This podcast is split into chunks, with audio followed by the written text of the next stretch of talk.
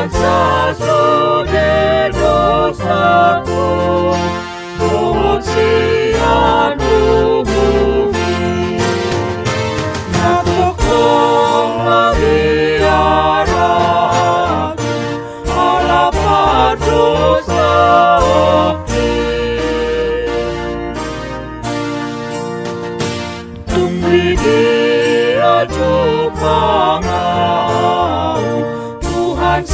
on us,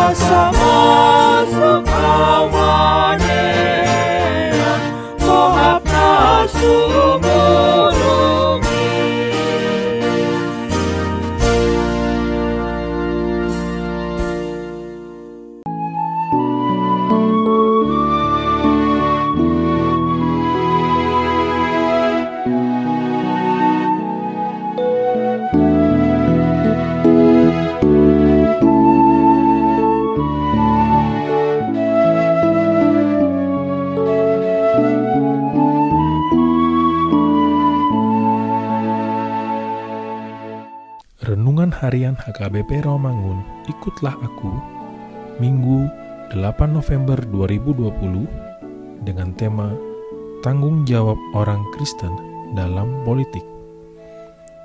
Bacaan hari ini diambil dari 1 Timotius 2 ayat 1 sampai 7. Pertama-tama aku menasihatkan, naikkanlah permohonan, doa syafaat, dan ucapan syukur untuk semua orang, untuk raja-raja, dan untuk semua pembesar, agar kita dapat hidup tenang dan tentram dalam segala kesalehan dan kehormatan.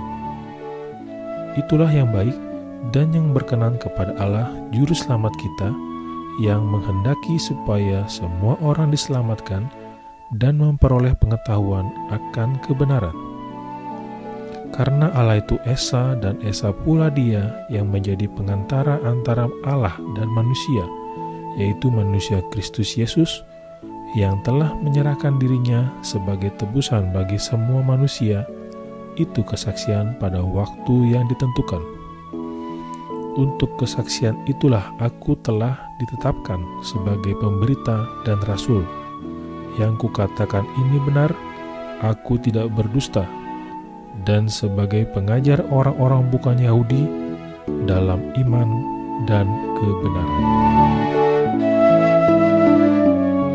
Calvin dalam buku Bruce Milner dengan judul Mengenali Kebenaran mengatakan bahwa manusia tidak akan pernah mencapai pengetahuan yang jelas akan dirinya kecuali jika ia sebelumnya melihat wajah Tuhan kemudian beranjak dari memandang wajah Allah dan mulai meneliti dirinya sendiri.